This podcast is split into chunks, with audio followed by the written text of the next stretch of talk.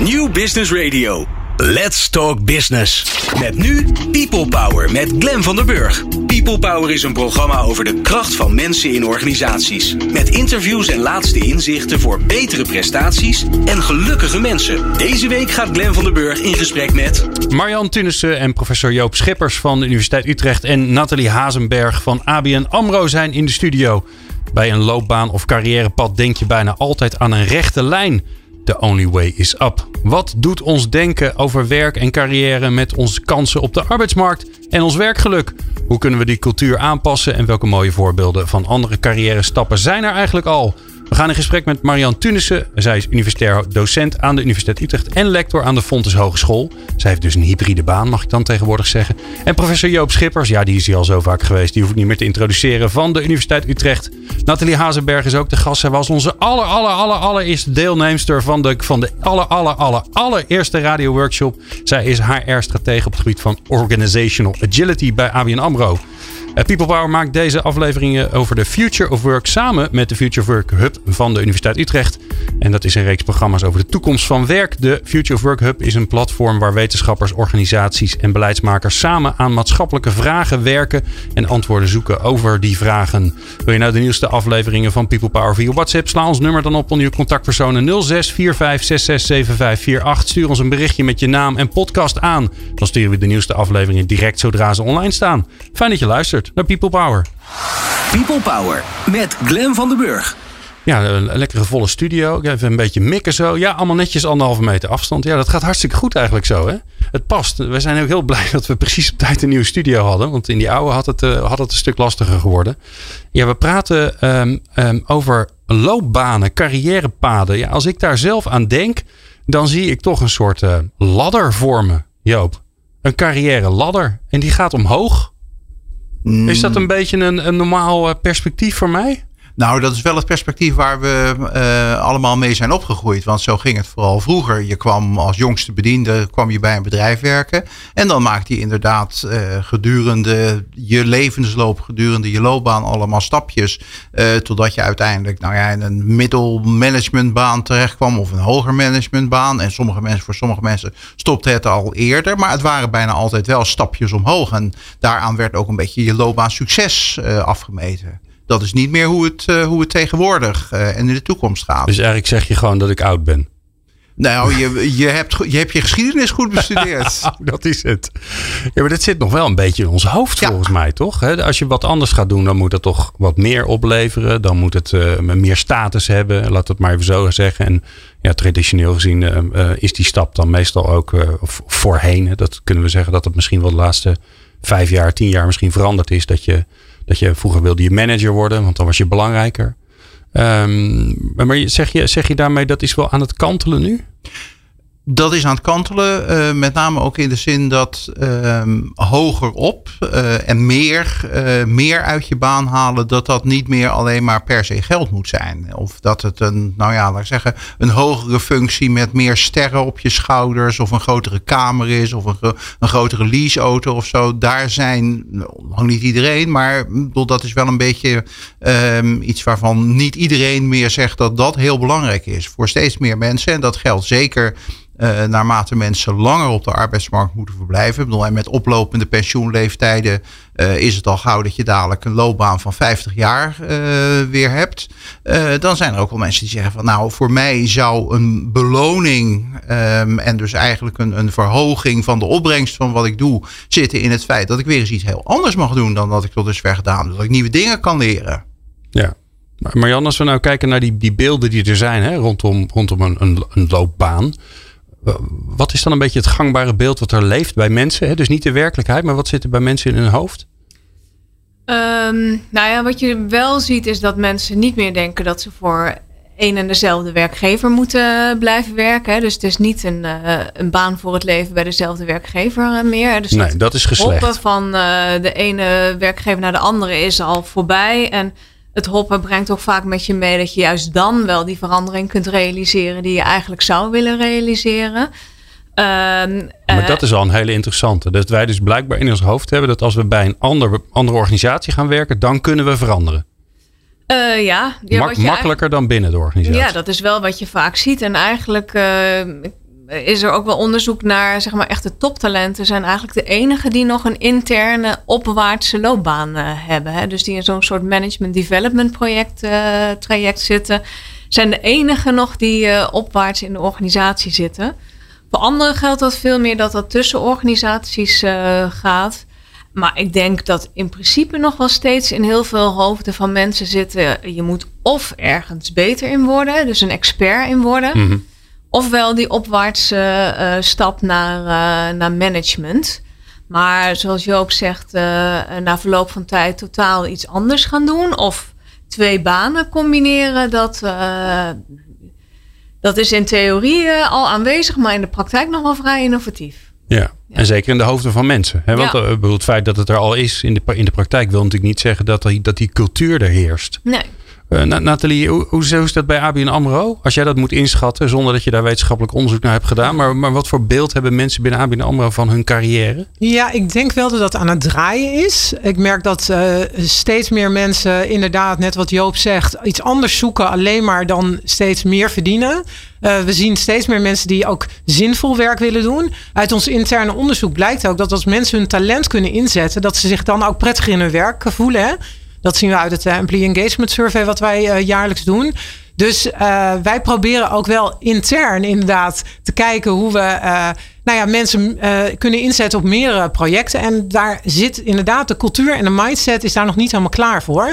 Maar de mensen willen het wel. Dus op het moment dat je meer gaat organiseren rondom mensen en hun talenten, dan ga je ook vanzelf meer beweging creëren en ga je ook talenten zichtbaarder maken. Terwijl mensen nu vaak, en dat is ook wel wat je zegt, uh, organisaties zijn er niet op ingericht. We zijn nog ingericht op traditionele functiebeschrijving en je moet daaraan voldoen. Hmm. En uh, nou ja, loopbaanpaden die uh, een beetje traditioneel zijn. Terwijl we nu wel uh, langzaamaan uh, aan het draaien zijn. Doordat we gewoon meer van de mensen en zijn talent uitgaan. Ja. En dat doen wij als HR. Als HR proberen we daar met onze nou ja, dienstverlening aan tegemoet te komen. Maar toch merk je dat er nog echt ja, de denkbeelden daar nog niet altijd zijn in de organisatie. Nee. Marjan, kijk dat we zo denken voor een groot gedeelte nog steeds over hoe een carrière eruit ziet dat die cultuur er is, dat hoeft op zich natuurlijk geen probleem zijn. Maar als je nou kijkt wat het, ja, wat, wat, wat houdt het tegen? Wat is, wat is de, de, de vervelende kant daarvan? Hoe, in hoeverre hebben we last van het feit dat we zo naar een, een carrière kijken? Uh, nou ja, um, ik denk dat het, hè, dat is wat jij zegt, uh, talentengedacht denken. Uh, omhoog wil niet altijd zeggen dat je de dingen gaat doen waar je goed in bent en waar je plezier uh, uit haalt. Dus je kunt op een gegeven moment dan ook op een plek komen waar je eigenlijk helemaal niet zo past. en de vraag is of je dan eigenlijk ook wel goed en lekker kunt functioneren. Dus uh, wat jij zegt, veel meer vanuit uh, de medewerker zijn, uh, talenten en kenmerken denken, betekent ook eigenlijk misschien dat je wel veel meer vanuit rollen moet gaan denken in plaats van uit functies. En dan liggen er denk ik veel meer uitdagingen op je pad dan als je automatisch maar doorgroeit. Een, een heel gek ander ding misschien. Hè? Um, als je, ik heb dat altijd gehad, laat ik maar op mezelf te betrekken. Ik heb altijd gedacht, um, zeker, zeker die jonge ik, ik ga later meer verdienen dan ik nu verdien. En als je dat denkt, dan ga je daar ook je beslissingen op baseren. Dus je koopt een huis en denk je, nou, ik kan nu betalen, maar straks kan ik het makkelijk betalen. Maar als dat nou niet zo blijkt te zijn, hè, als, je, als je nou een stap terug moet doen, stel je voor nu tijdens deze coronacrisis, je raakt je baan kwijt, of het werk wat er was, dat is er niet meer, of nou, dan heeft dat natuurlijk een heel gek effect voor je. Is, is dat iets wat er, wat er aan het gebeuren is, waar die, die traditionele, ik ontwikkel mezelf, als ik ouder word, ga ik meer geld verdienen, zit dat ons in de weg? Ja, dat zit ons in de weg. Want dat is inderdaad ook wel het perspectief waarmee uh, bijvoorbeeld uh, nou misschien niet de bank, maar een andere bank, uh, hoe heet het, uh, hypotheken verstrekt. Is natuurlijk ook heel vaak vanuit de gedachte van nou, u verdient nu nog niet zoveel, maar u bent, uh, u bent een enorm talent. Dus over vijf jaar of over tien jaar, ja. dan verdient u vast zoveel procent meer. En daar wordt, wordt dan bij spreken ook de hypotheek op afgestemd. Dat betekent dus dat je daarmee mensen als het ware klem zet om, uh, nou, ik zou bijna zeggen, hun hart te volgen en iets te gaan doen wat meer uh, bevrediging oplevert, maar misschien wel een lager salaris. En dat, daar zijn natuurlijk veel meer van dat soort dingen waarvan je zegt van ja, Um, bedoel, eigenlijk is het hele leven een beetje zo ingericht dat je uh, de meeste kosten maakt. Zo in het midden van, uh, van je leven. Ik bedoel, als student leef je goedkoop. En uh, nou ja, ik zeggen, de eerste jaren nadat je op jezelf bent gaan wonen, valt dat ook nog wel mee. Maar als je in een wat groter huis moet gaan wonen met kinderen enzovoorts, dan zijn de lasten het hoogst. En op een gegeven moment dalen die weer. Ja, dat betekent dat eigenlijk daarmee ook impliciet, tenzij je dat op een andere manier organiseert, en dat zou natuurlijk kunnen. Uh, maar impliciet zit daar ook een beetje de veronderstelling achter dat dan ook je inkomenspatroon zo zou lopen. Dus is het ook belangrijk dat er nieuwe arrangementen kom, komen waarvan je zegt van nou, uh, je hebt een pot geld en uit die pot haal je naar behoefte en zodanig verspreid over de levensloop dat dat ook, uh, nou ja, laat ik zeggen, voor iedereen een beetje glad loopt. Daar zijn overigens in het verleden ook wel voorstellen voor ontwikkeld, maar die zijn hebben nog niet helemaal... niet gered, nee. Nee, nou ja, laat ik zeggen, uh, misschien een, een, een, enkeling onder ons herinnert zich nog het begrip levenslooprekening. Dat is ooit voorgesteld uh, in 2002 uh, in de nadagen van het tweede kabinet Kok. Um, dat is en al dat, een tijdje terug. dat is al in 2002 was dat. en dat ging toen eigenlijk over het feit dat mensen budgetten zouden moeten krijgen om bijvoorbeeld scholing, zorg, investeringen in hun eigen uh, ontwikkeling uh, daaruit uh, te financieren. Ja. En dat dat potje via verschillende routes gevuld zou kunnen worden. En eventueel ook nog aangevuld via CAO-afspraken door de overheid enzovoorts. En dat je daardoor mensen meer in staat zou stellen om bijvoorbeeld halverwege hun loopbaan te zeggen van oké, okay, we gaan iets doen, we gaan iets nieuws erbij leren, we nemen sabbatical, nou ja, noem het maar. Uh, om zodoende ook wat flexibeler in die carrière te worden. Dat is toen uh, door onder het eerste kabinet Balken en de, met de LPF uh, genadeloos in de prullenbak geveegd. Want dat was een links idee en dat moest allemaal niet. Maar eigenlijk was het best wel een goed idee. Ja. Nee, maar dat gek is natuurlijk dat er ook in cao's en noem maar op. Het zit heel, in heel veel dingen is het zelfs. Hè, dus niet alleen maar cultuur, maar is het gewoon vastgelegd. Hè, dat als je ergens, ergens lang blijft. Ja dat langzaamaan, zonder dat je het doorhebt, en heel veel organisaties is dat natuurlijk nog steeds zo, dat je gewoon steeds meer gaat verdienen. En je hoeft daar heel vaak ook nog niet echt iets voor te doen. Ja, werken, mhm. maar, uh, maar je hoeft niet iets bijzonders ervoor te doen naast je werk. Dus dat is eigenlijk een beetje raar. Nou ja, dat, nou ja, dat is als zodanig niet zo raar. Ik bedoel, dat is heel erg uh, theory-based. Gestoeld op de theorie van menselijk kapitaal. Die zegt van nou, mensen komen met een bepaald niveau van kennis en ervaring op de arbeidsmarkt. En elk jaar dat ze er blijven, raken ze weer een stukje ervarener. Dat is overigens vooral iets wat geldt als je bij dezelfde organisatie hetzelfde werk blijft doen. Want werk je bij wijze van spreken in de zorg en ga je in het onderwijs werken of ga je in een autofabriek werken dan is al die kennis die je daar opgebouwd had, nou misschien niet al die kennis, maar heel veel van die kennis is plotseling niet zo heel veel meer waard. Nee. Nou, kortom, um, uh, straks uh, wil ik heel graag met jullie verder praten over hoe we dan toch kunnen zorgen dat, uh, dat mensen iets gaan doen wat ze A heel leuk vinden, B waar ook heel veel vraag naar is. Um, terwijl ze wel al die verworvenheden misschien achterlaten. En sterker nog, dat misschien hun omgeving zegt van wat ga jij nou doen? Je ging toch, je ging toch carrière maken? Dit lijkt er helemaal niet op. En sowieso. People Power op Nieuw Business Radio. Ik ben Rachel van Raan, hoofdhaar en Vos en ik laat me graag inspireren door People Power. Meepraten of meer programma's? people-power.nl Marjan Tunissen en Joop Schippers van Universiteit Utrecht en Nathalie Hazenberg van ABN AMRO in de studio. Ik heb uh, trouwens, uh, terwijl ik dit zeg, denk ik, ik heb een heel ander probleem. Namelijk dat straks uh, als we allemaal hybride gaan werken en allemaal verschillende banen hebben en zo, dan is het voor mij gewoon niet meer te doen. Want dan kan ik niet meer aankondigen. Dan moet ik bij, bij iedereen ben, moet ik vier zinnen uitspreken. Slashy. Het belangrijkste? Ja. Het belangrijkste eerst. Ja, nou ja, totaal een onderwerp. Hey, um, we hebben het over loopbanen en in hoeverre die uh, ons uh, dwars zitten. De beelden daarover. Uh, ik ga hem er toch even ingooien. Ik weet nog dat jaren geleden was het ondertussen. Was er een organisatie en die durfde het woord demotie te noemen. Was volgens mij een IT-organisatie. Nou, en toen waren de rapengaar. Daar kon je het toch echt niet over hebben dus en, eerst maar eens even vragen, wat is het? Joop, heb jij een mooie definitie zo uit, je, uit je mouw? Nou, er zijn verschillende definities. Dat gaat wel vaker in de, in de wetenschap. Maar uh, het is in het algemeen, uh, wordt het gezien als de keerzijde van promotie. Dus in plaats van naar een hogere functie, naar een lagere functie. En dan heb je daarna de scheiding tussen de rechtelijke en de precieze. Uh, de precieze zeggen van, ja, dan moet het ook gepaard gaan met een lager salaris en minder aantrekkelijke arbeidsvoorwaarden. En anderen zeggen van, nou ja, dat is nog maar de vraag of je dat er ook onder moet rekenen. Ja, ja, oké. Maar het is in ieder geval. Het belangrijkste is dus eigenlijk het idee, het gevoel dat je. Want dan kun je natuurlijk ook zeggen, ja, wanneer is iets hoger of lager. Maar dat je in de organisatie, en die dan wel een hartje moet hebben, want als er geen mhm. ladder is, kan je ook niet omlaag.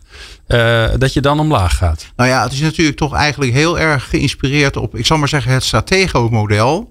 uh, in het in Stratego bedoel, heb je dat uh, de luitenant is hoger dan de sergeant en de kapitein hoger dan de luitenant enzovoort. En dus eigenlijk van je gaat een rang terug. Dat is eigenlijk demotie. Ik bedoel, ja, ander werk gaan doen waar een beroep gedaan wordt op andere vaardigheden, wat in sommige opzichten misschien ook minder stressvol is.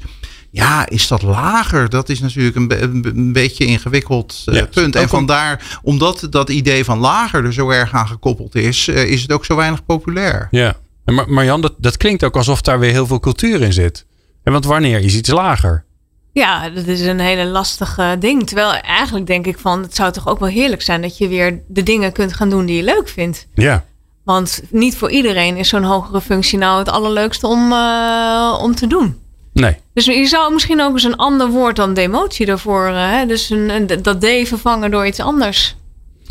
Ja, maar, maar het, uh, aan de andere kant is het, het zorgt er wel voor dat we bespreken waar het over gaat. Namelijk dat je iets gaat doen. Dus in je loopbaan hebben we toch het idee van je gaat elke keer verbeter je jezelf op een of andere manier. Um, uh, ik, misschien wel een mooi voorbeeld. Volgens mij, um, Merel Vroonhoven heet ze volgens mij. Hè? Zij was uh, voorzitter van de AFM. En zij was daarvoor, werkte ze dat volgens mij in de raad van bestuur van de NS. Ja. En die, um, die stopte bij de AFM. Nou, dat kan gebeuren. Hè? Oh ja, sabbatical, cool en zo. En toen zei ze, nee, ik ga geen sabbatical nemen. Ik ga voor de klas. Ik word juf. Nou, fantastisch natuurlijk voor de cultuur, hè? waar wij met z'n allen mee bezig zijn. Maar dat wordt toch echt wel gezien als een demotie, toch? Laten we simpel zijn. In termen van salaris is het dat ongetwijfeld. Ja. Maar of ze nou ook als juf minder hard moet werken dan nou, dat, bij de AVM, dat weet ik nog niet zo net. En uh, nou ja, in ieder geval ook andersoortig werk, waardoor er een beroep gedaan wordt op hele andere capaciteiten. En uh, nou ja, laat ik zeggen, over een bedrijf wat je misschien geen toestemming gegeven hebt om te fuseren, daar lig je misschien minder wakker van dan van uh, nou ja, een kind wat in de klas zit en gepest wordt. Ja, ja, nee, dat zeker. Het zijn eigenlijk veel wereldsere, aardsere dingen. Misschien echtere dingen. Ja, de vraag is of we het hier dan over een uh, carrière of een uh, promotie of een demotie hebben of meer een carrière switch. Hè? En verstaan we onder een carrière switch, je haalde het al even aan Joop, verstaan we daaronder uh, onder dat dat ook een demotie is als je daar minder mee gaat verdienen. En ik denk dat we het moeten hebben over wat is eigenlijk de definitie van succes. En is die definitie van succes in een cultuur dienstbaar aan de beweging die je wilt hebben. En op het moment dat succes alleen maar the only way up is, dan ga je heel veel mensen frustreren, misschien wel ziek maken zelfs. En ik denk dat er een beweging nodig is die veel meer gaat over succesvol zijn, is impact hebben. En dat gaat ook over die zingeving waar we het net over hadden. Is lol hebben in je werk? Is de dingen doen waar jij goed in bent? Of is groeien in de dingen waar jij in potentieel goed in bent? Of waar jij dus geluk van krijgt? En ik denk dat dat het voorbeeld van uh, Merel van heeft in dit geval. En ik zie het heel veel mensen bij de bank ook doen. Uh, toch een overstap naar een sector waar ze meer passie voor voelen. En waar ze dan op een andere manier succesvol in kunnen worden. Wat misschien niet in geld uit te drukken is. ik ben het met je eens, Nathalie. Maar ik kan me heel goed voorstellen dat, dat pas als we zorgen dat, dat dit ook normaal wordt. Hè, dat het normaal wordt om te zeggen: hey, weet je, ik deed eerst dit. Vond ik superleuk. Maar op een gegeven moment was ik er wel klaar mee. Ik ga nu wat anders doen. Nu ga ik dat doen. Vind ik ook superleuk. Dat mensen niet zeggen: hè, wat ga jij nou doen? Dat is raar, maar dan verdien je toch veel minder. Of dat heeft minder aanzien. Of nou, al die dingen die we blijkbaar uh, ook belangrijk vinden. Um, ja, daar moet wel wat aan gebeuren. Ja, de rolmodellen helpen daarbij. Rolmodellen zoals Merel van Vroonhoven, maar gelukkig zijn er ook veel meer. Wij hebben ook rolmodellen gewoon in onze organisatie die uh, op een heel ander niveau in de organisatie werkten dan baas van de AFM zijn. En die ook de overstap hebben genomen. En als zij hun verhaal vertellen en daar gewoon heel gaaf en gepassioneerd over vertellen, dan gaan mensen ook achter de oren krabben. Ja, ben ik nou eigenlijk wel gelukkig in mijn baan? Dus we hebben die voorbeelden nodig, want het systeem is gewoon collectief daar niet op ingericht. Want uh, we hebben het net even gehad over die salarisgroei in organisaties die altijd uitgaat van naar boven. Maar ook in de, in de Nederlandse maatschappij is het altijd salarisgroei. En salarisdaling, daar hebben we het in de politiek helemaal niet over. Nee, sterker nog, daar hebben we het wel over. Maar dan komen er vakbonden en dan gaan we de straat op en met hesjes aan en zo. Ja, dat dus het gaat echt om uh, mindset. Ja, Um, nou, ik, nou, ik noemde het voorbeeld van uh, uh, Merel van Vroonhoven natuurlijk niet voor niks. Waarbij ik wel haar van vergat, wat natuurlijk vreselijk is. Um, Nathalie, jullie doen dat binnen de bank. Jullie uh, helpen, stimuleren. Nou, je legt het zelf maar uit. Bank voor de klas. Ik vond dat ja. al weer een briljante, briljante titel. Dat helpt ja. altijd. Wat is dat? Nou, Bank voor de Klas. Uh, eigenlijk begon het al in de zomer van 2018. Toen ik zelf dacht: hey, hoe kan ik nou de wendbaarheid van de organisatie vergroten? Wij hebben inderdaad uh, die mooie loopbanen waarbij je continu groeit. En mensen eigenlijk ook wel het heel comfortabel hebben met goede arbeidsvoorwaarden, mooie salarissen. Maar zijn ze allemaal nou wel gelukkig? Bovendien zijn wij een krimpende organisatie, of we hebben in ieder geval hele andere mensen nodig. En continu reorganiseren is ook niet wat mensen gelukkig maakt. Ook niet goed voor de organisatie. Hoe kunnen we nou meer op een duurzame manier veranderen? Dat begint ook bij de achterdeur begrijpen. Waarom is die achterdeur toch zo op slot? Waarom gaan mensen geen carrière switch doen als hun passie eigenlijk elders ligt? Dus ik dacht, ik schrijf er eens een blog over. Die blog heette toen Van Bank tot Bed en klas. Hè, want het was een blog die ging over, joh, stel nou dat je passie hebt voor de zorg of het onderwijs. Uh, wat weerhoudt jou dan om, om je daarop te gaan oriënteren? Nou, daar kreeg ik behoorlijk wat reacties op. Dat was een interne blog. Hmm. Uh, toen hebben wij een tijdje later, februari 2019, hebben wij met andere partijen in, het, in de financiële sector. Um, en de verzekeraars, dus banken en verzekeraars, samen met de Nederlandse Vereniging voor Banken hebben wij een convenant getekend. En uh, daar zijn ook andere partijen in uh, de opleidingen voor het onderwijs en de onderwijssector zelf bij betrokken. Om ons in te spannen om te kijken van ja, kunnen we mensen die overstap laten doen? Nou, dat gaf zo'n ontzettende boost dat ik uh, meer dan 100 reacties kreeg op een evenement wat wij organiseerden intern. Dat hebben we samen met Randstad Onderwijs gedaan, die natuurlijk heel goed is in selectie en matching. Uh, en um, daar hebben we ja, de mensen eigenlijk op basis van een eerste onderzoek door een aantal studenten uh, gedeeld. Uh, wat is nou eigenlijk die sector? Wat kun je verwachten? Want wij vonden het wel heel belangrijk dat mensen weten waar ze aan beginnen. En dat we juist een goede mensen die sector uh, naar die sector sturen. En niet gewoon maar iedereen. En ook zeker niet uh, mensen omdat we ze kwijt willen. Maar mensen omdat we geloven dat als je passie elders ligt. Dat je ook uh, elders succesvoller bent. Ja, en daarmee ja. open je eigenlijk een perspectief wat er daarvoor misschien nog niet was. Precies, precies. En dat wel echt vanuit mensen en hun talent. En niet zozeer vanuit, hè, want zo krimpend uh, zijn we in feite ook niet meer. We hebben heel veel reorganisaties in het verleden gehad. Nu is het meer dat we andersoortig talent nodig hebben. Dus wij kijken zelf intern ook heel erg naar upskilling, reskilling. Maar daarnaast uh, ja, is er ook gewoon een groep mensen die eigenlijk misschien wel iets anders zou willen doen. En daar ja. richten we ons met uh, cross-sector mobility, zo heet ons project. Heerlijke term. Echt, Lang leven de HR-sector. Ja, heerlijk Echt, hè? Al ja, die vaktermen. Geweldig. En, jargon. Hé, hey, maar Nathalie, jullie zijn nu een tijdje bezig ermee. Wat zijn, wat zijn de ervaringen? Uh, Lukt nou, het überhaupt? Gaat ja. er iemand van een bank voor de klas? Ja, het is, uh, weet je, het is echt een levensvraag uh, voor mensen. Dat ja, dat kan me heel goed voorstellen. Het is ook heel veel maatwerk. En de belangrijkste belemmeringen zijn inderdaad ja, toch het salaris, maar ook het lange opleidingstraject wat nodig is. En hoe lang is dat? dat uh, ja, dat ligt eraan wat er nodig is. Hè? Wat je eigen achtergrond is. Je moet toch minimaal een HBO hebben. Nou, eigenlijk heeft bijna iedereen bij de bank wel HBO werk- en denkniveau. Dus je zou eigenlijk, en dat gebeurt ook wel in de opleidingssector, ook kijken van hoe kunnen we uh, met verworven kwaliteiten, verworven competenties aan de slag. Mhm. Dus zowel uh, ja, wij als bank kijken hoe kunnen we die mensen daarin ondersteunen, maar ook uh, hebben we in het ecosysteem rondom het onderwijs hebben we contact over hoe kunnen we samenwerken om uh, te pionieren, experimenten te starten. Ook met scholen, om te kijken hoe we uh, zij in stroom goed kunnen doen. Al is het maar met een paar kandidaten, om van hen echt te leren.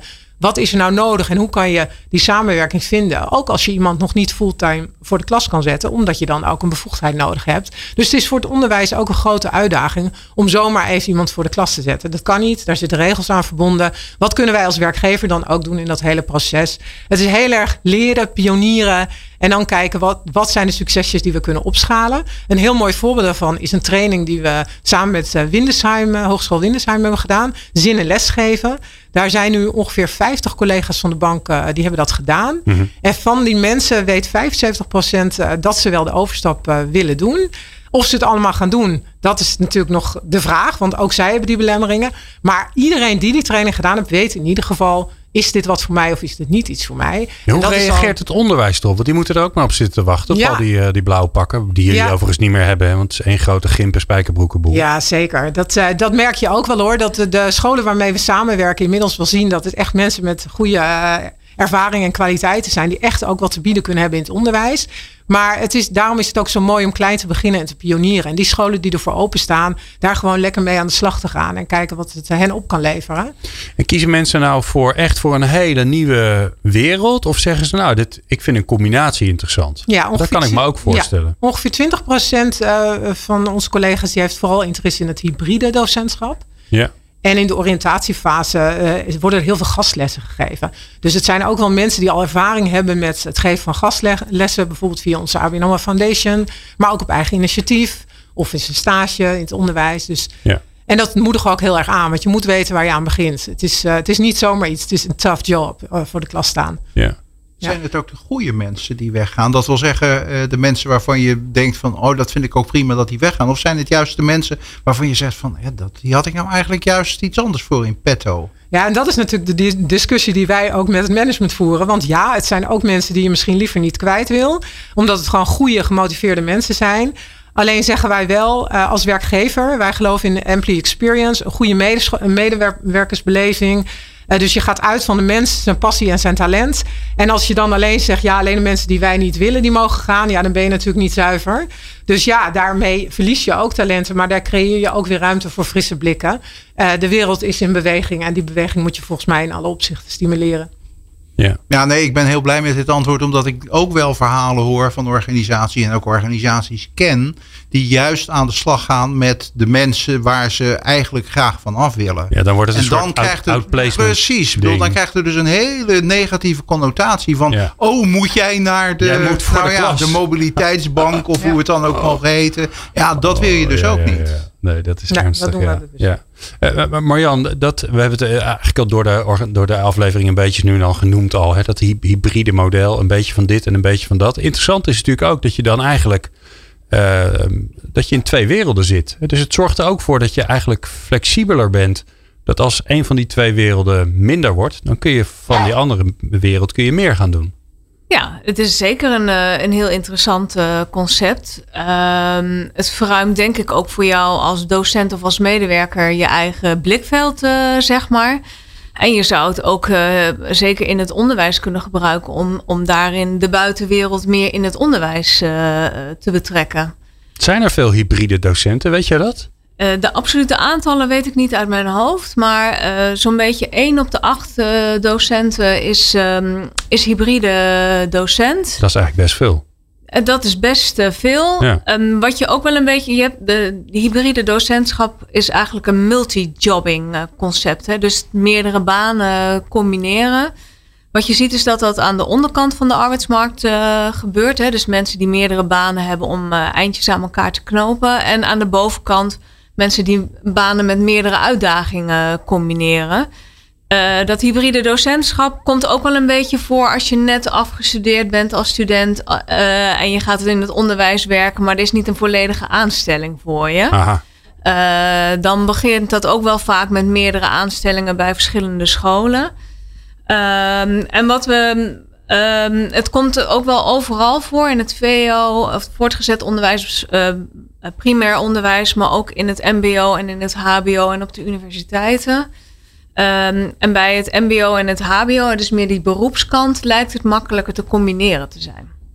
Ja, misschien ook omdat mensen dan ook een vak hebben wat ze aan iemand anders kunnen leren en wat ze zelf uitoefenen. Dat er meer een soort link ligt tussen wat ze doen en wat ze aanleren. Ja, nou ja, je, je hebt natuurlijk ook wel mensen eh, die docent Nederlands zijn en journalist zijn of zo. Ja. Of eh, eh, docent economie en bij de bank werken. Dat kan ik me ook wel goed eh Ja, die link zie ik niet zo weer. Nee.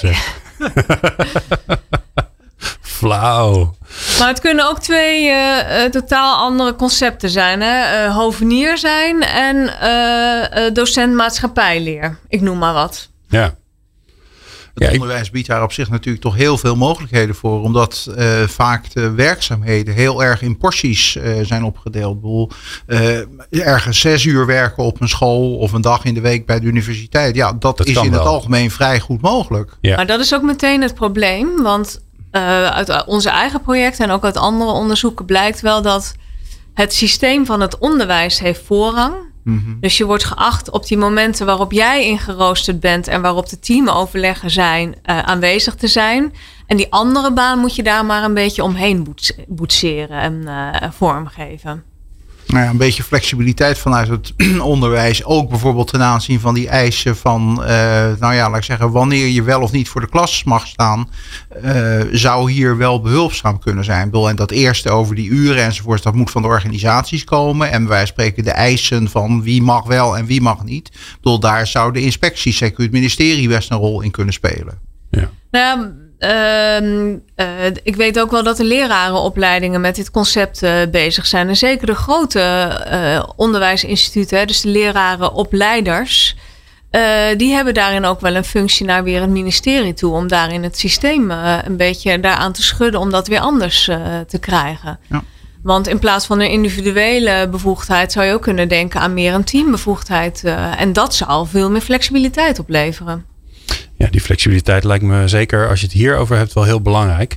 Uh, we gaan zo uh, eerst naar de column van uh, Farita Barki, onze, onze tijdgeestonderzoeker, die weer een mooi verhaal heeft geschreven en ingesproken over ja, deze gekke tijd waar wij in leveren. En dan wil ik in het laatste blokje, blokje graag met jullie naar ja, wat moet er gebeuren. Dat hoor je zo. People Power. Inspirerende gesprekken over de kracht van mensen in organisaties. Met Glen van der Burg. Farid Barki is tijdgeestonderzoeker en oprichter van Studio Zeitgeist. Wat dan weer vrij vertaald tijdgeest is. Dus dat komt mooi uit. En uh, hij is onze columnist. En hij neemt ons altijd weer mee in hoe hij naar deze, zeker in deze tijd, rare tijd kijken. Met alle vooruitgang is de mensheid terug bij af. Ze kijkt naar de natuur als een kip naar het onweer. Met verbijstering, onmacht en paniek. Eigenlijk wil ze wegvliegen. Maar haar vleugels kunnen haar niet dragen. In tegenstelling tot de kip heeft de mensheid wel een flinke bijdrage geleverd aan extreme noodweer dat op haar pad komt. Het menselijk vernuft heeft geleid tot meerdere crises tegelijkertijd: pandemie, klimaat en wie weet wat nog komen gaat. En een plichtsgevoel om er iets aan te doen. Kunnen we dat? Is het mogelijk? Voetbalorakels van Hanegem en Cruijff indachtig het nadeel van die menselijke aanwezigheid om te buigen in een voordeel. Na een crisis komt er immers weer een nieuwe balans. Wat blijft er overeind? Wat verdwijnt? Wat wordt versterkt? En wat is er nieuw? In het zwartste scenario kunnen we het kind met het badwater weggooien. En dat kind is niet de mens die eeuwig te leven heeft en vrij is van ziekte zorgen maar de mens die zich vrij kan bewegen en ontplooien in een open samenleving. En die open samenleving is geen product van 30 jaar zorgeloze groei, eerder andersom. In een positiever scenario herstellen we vrijheid en mogelijkheden en zoeken we een nieuwe balans die beter recht doen aan de beperkingen van 8 miljard mensen op één planeet. Een toverwoord hierbij is veerkracht. Zowel individuele mensen als samenlevingen hebben het vermogen om schokken te incasseren en ervan te herstellen. De bereidheid nu om de oude wetmatigheden terzijde te schuiven is groot.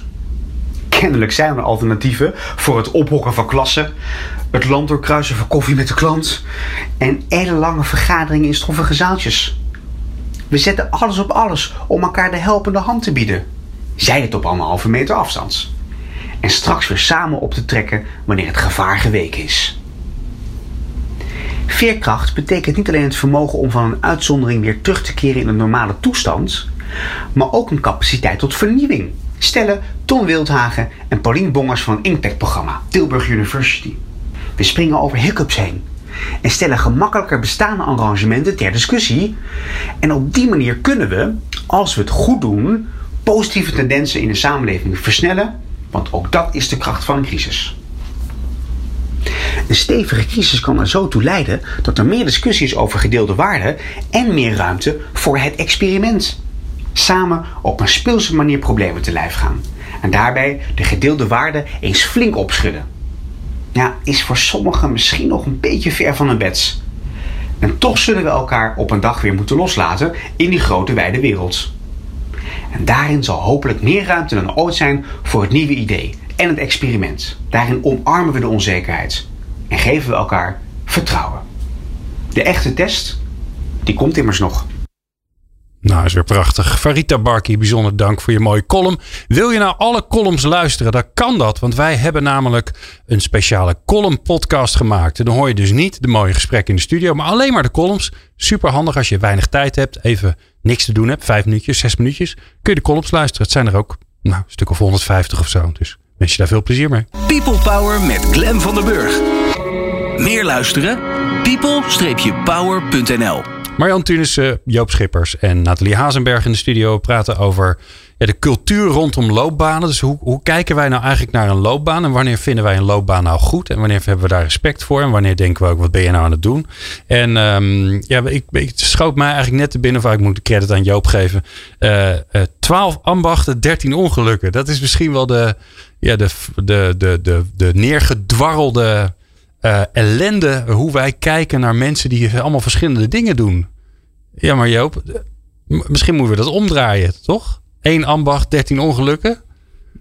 Gaan ja, we die erin brengen? Nou ja, zo, zoiets, zoiets. Ik denk dat in ieder geval uh, wij mensen veel meer moeten gaan opvoeden en opleiden met de gedachte dat je niet die hele tijd dat je op de arbeidsmarkt zult zijn, dat je um, in één beroep um, werkzaam zult kunnen zijn. Dus dat eigenlijk um, op een gegeven moment uh, veranderingen uh, doormaken, uh, transities met een ingewikkeld woord, dat dat eigenlijk de normale zaak wordt. En dan ja. moeten mensen daar dus ook op een of andere manier op voorbereid zijn.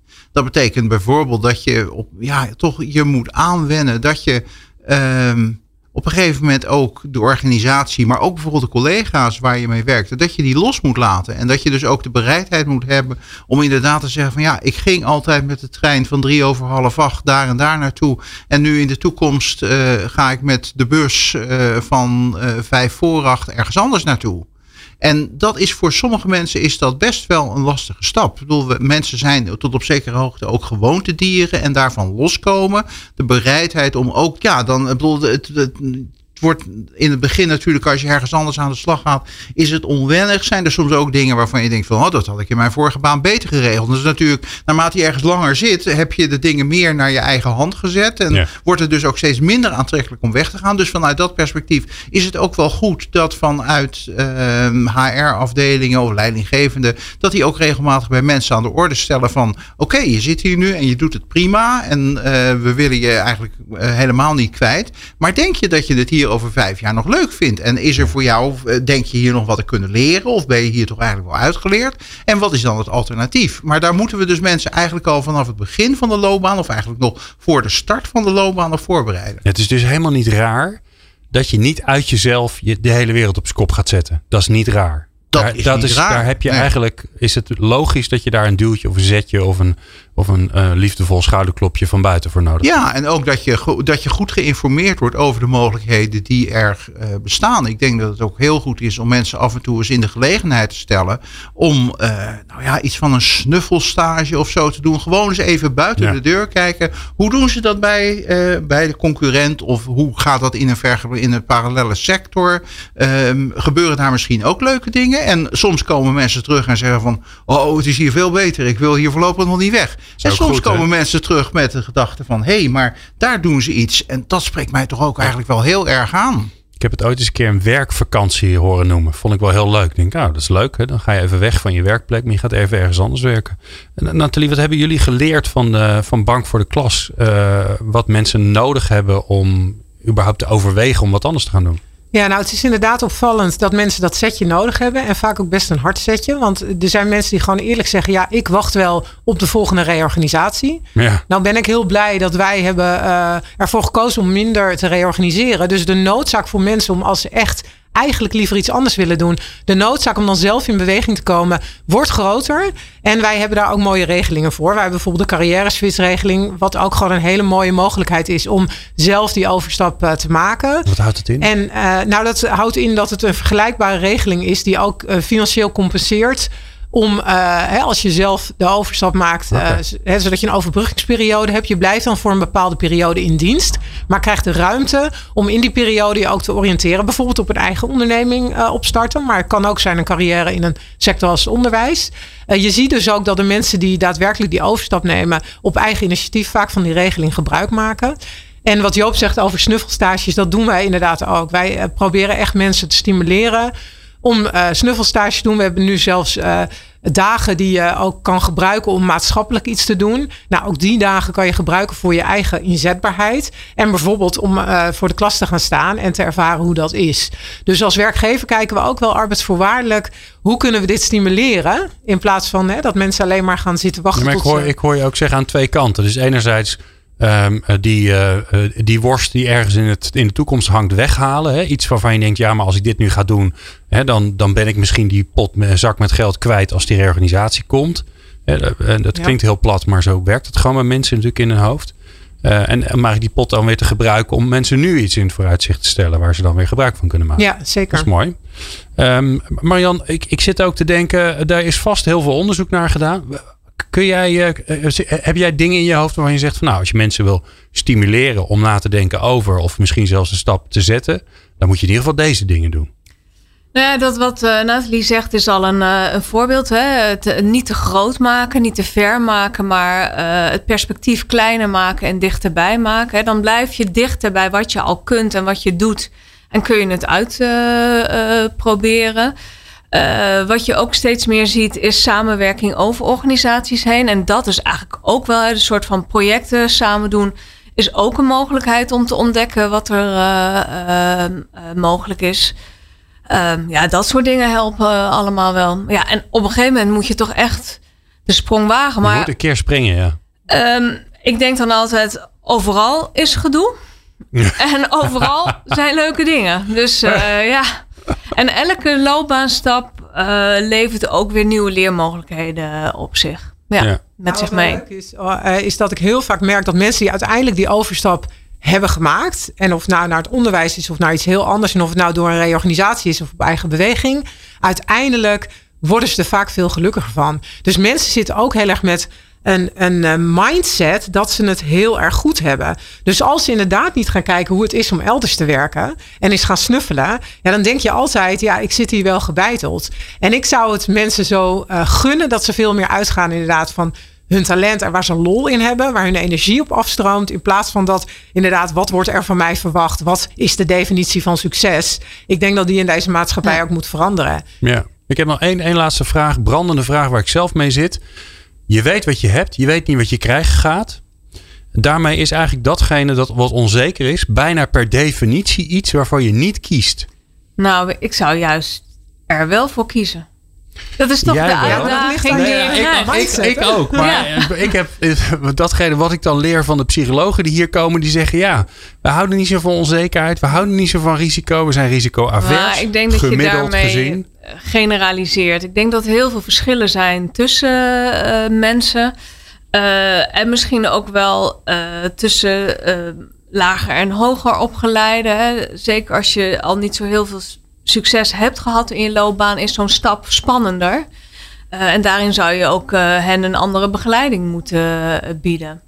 Ja, en, en voorbeelden, wat jij zegt, rolmodellen helpt heel erg. Rolmodellen Ja, helpen. En je kunt natuurlijk mensen ook wel proberen wat zekerheid mee te geven. Door eh, bijvoorbeeld iets eh, als een proefplaatsing eh, te doen. Ik ken een verhaal van twee organisaties waar twee mensen die ehm, hebben een, eerst een half jaar en toen nog verlengd met een half jaar van baan geruild. Vanuit het perspectief dat ze wilden onderzoeken hoe dat, hoe dat zou zijn. Maar ze hadden de garantie dat ze in principe weer terug konden. Nou, dat werkt natuurlijk toch heel anders dan wanneer je in één keer al je schepen achter je verbrandt. Dus Ja. iets van die zekerheid bieden. En dat geldt bij wijze van spreken als het gaat over opgebouwde potjes of zo. Ach, waarom zou je die niet, eh, zou je daar ook geen afspraken over kunnen maken om die, eh, om die mee te nemen? En als we dat wederzijds doen, dan is het ook niet zo dat de ene organisatie alleen maar betaalt en de andere alleen maar ontvangt. Nee, dan wordt dat gewoon een, een integraal onderdeel van, eh, van de Nederlandse arbeidsmarkt. Zeker. Ja. Goed idee, Joop. Ehm, ik dank jullie zeer. We hebben weer een mooie uur eh, met elkaar gehad over een belangrijk onderwerp. We zijn er natuurlijk nog lang niet over klaar, maar dat moet ook, want eh, dan heb ik morgen ook weer wat te doen. Eh, dus ik ben elke keer gewoon mijn eigen, mijn eigen werk aan het creëren. Door maar elke keer te zeggen dat we er nog niet over klaar zijn. Eh, ik dank jullie zeer, Marjan Tulissen, Joop Schippers en Nathalie Hazenberg voor jullie komst. Eh, in het volgende uur van People Power, en als je de podcast luistert, is het de volgende aflevering van People Power. Ja, Een organisatie laat haar ware gezicht zien tijdens een crisis. Wat leert Marco Terpstra, die zit al in de wachtkamer, weet ik, directeur mensenorganisatie en innovatie bij IBN over de kracht en de zwakte van de organisatie tijdens deze coronacrisis? Dat hoor je in de volgende aflevering van People Power. Fijn dat je luisterde. Meepraten? Meepraten? Of meer programma's? people-power.nl